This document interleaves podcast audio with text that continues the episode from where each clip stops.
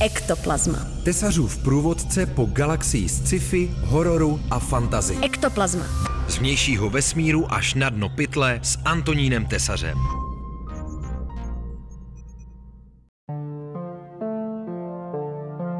Příjemné odpoledne přeje a v rubrice Ektoplazma vás vítá golem českého rozhlasu Antonín Tesař.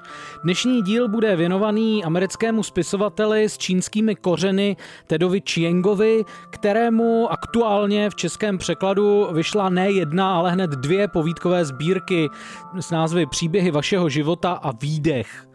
Příběhy vašeho života je zároveň titul jeho nejznámější povídky, která je teda známá hlavně proto, že se stala předlohou velmi pozoruhodného amerického sci-fi filmu The Arrival, Příchozí.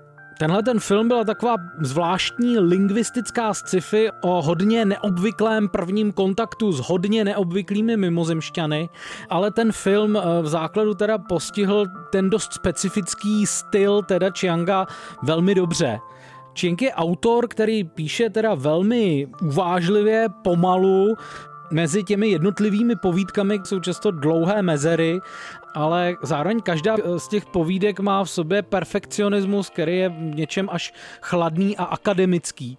Ale e, za to každá ta povídka je opravdu vybroušená, precizně promyšlená záležitost která je postavená na nějakém hodně originálním nápadu, nebo až by se dalo říct spekulaci. Ektoplazma. Ty Chengovo texty si totiž jako nepochybně zaslouží právě to označení spekulativní fikce, protože tenhle ten autor totiž hodně navážno pracuje s různými, často hodně rozstřelenými a výstředními fyzikálními teoriemi nebo filozofickými koncepty, nejlépe eh, s obojím dohromady.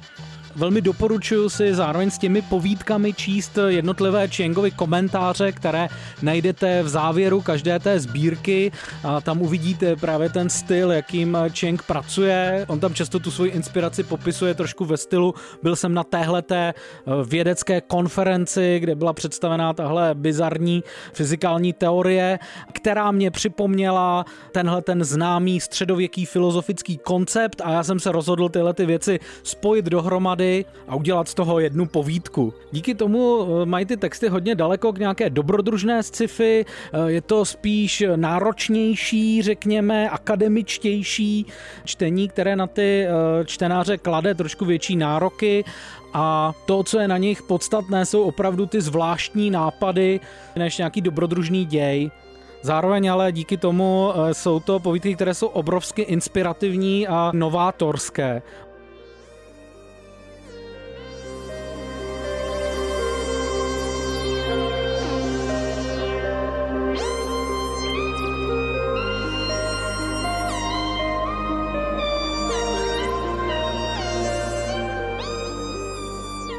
Příběhy vašeho života schrnují starší Čengovy texty. Tahle ta sbírka je zaměřená spíš na budování nějakých paralelních realit.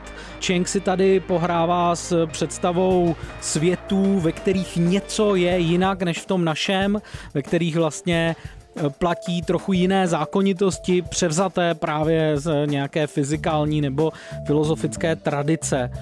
Vedle té zmíněné povídky Příběhy vašeho života, tak eh, rozhodně skvělý text je eh, povídka 72 písmen, eh, kde se Chiang vrací k mýtu o Golemovi a k jeho principu slov, které mají moc oživovat neživou hmotu nebo vlastně další teda na podstatě náboženských principech postavené povídky Babylonská věž, což je taky vlastně hodně neobvyklý a zároveň typicky scifistický způsob stvárnění klasického biblického mýtu, nebo taky hodně specifická religionistická spekulace peklo je nepřítomnost Boha. Ektoplazma. V té sbírce Výdech se zabývá spíš tématy, které souvisí souvisejí s umělou inteligencí nebo s eh, inteligentními, ale nelidskými formami života. Za mě teda jednoznačně nejlepší text téhleté sbírky je titulní povídka Výdech, která vychází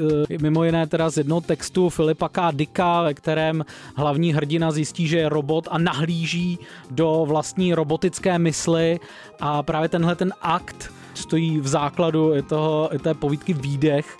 Nejvíce mi líbila proto, že je vlastně nejvíc vzdálená od nějaké běžné lidské zkušenosti. Je to takový největší výlet do nějakého opravdu radikálně odlišného světa. Některé z těch povídek možná i těmi konkrétními náměty připomenou uh, seriál Černé zrcadlo, které se vlastně taky zabývá tím, jak technologie budou proměňovat lidskou civilizaci a vlastně naše přemýšlení o nás samých a našem místě ve světě. Nicméně ani v jedné z těch povídek Čenk nesklouzává k nějaké moralitě, eh, jako se to děje Charliemu Brookerovi v The Black Mirror, to, na čem jsou ty příběhy nesené, je spíš nějaký údiv z netušených možností, eh, nějaká vlastně radostná, i když ty povídky třeba úplně radostné nejsou, ale eh, takový ten radostný pocit z domýšlení nějakých teorií a představování si světů, které fungují jinak eh, než ten náš. A právě proto si taky myslím, že obě sbírky tohoto toho odvážného metafyzického spekulanta budou patřit k tomu nejlepšímu, co v českém jazyce v letošním roce ve Fantastice vyjde. Pokud chcete zjistit, jestli je to pravda, tak i nadále poslouchejte pořad Ektoplazma. Aktuální díl právě končí a s vámi se loučí Antonín Tesař.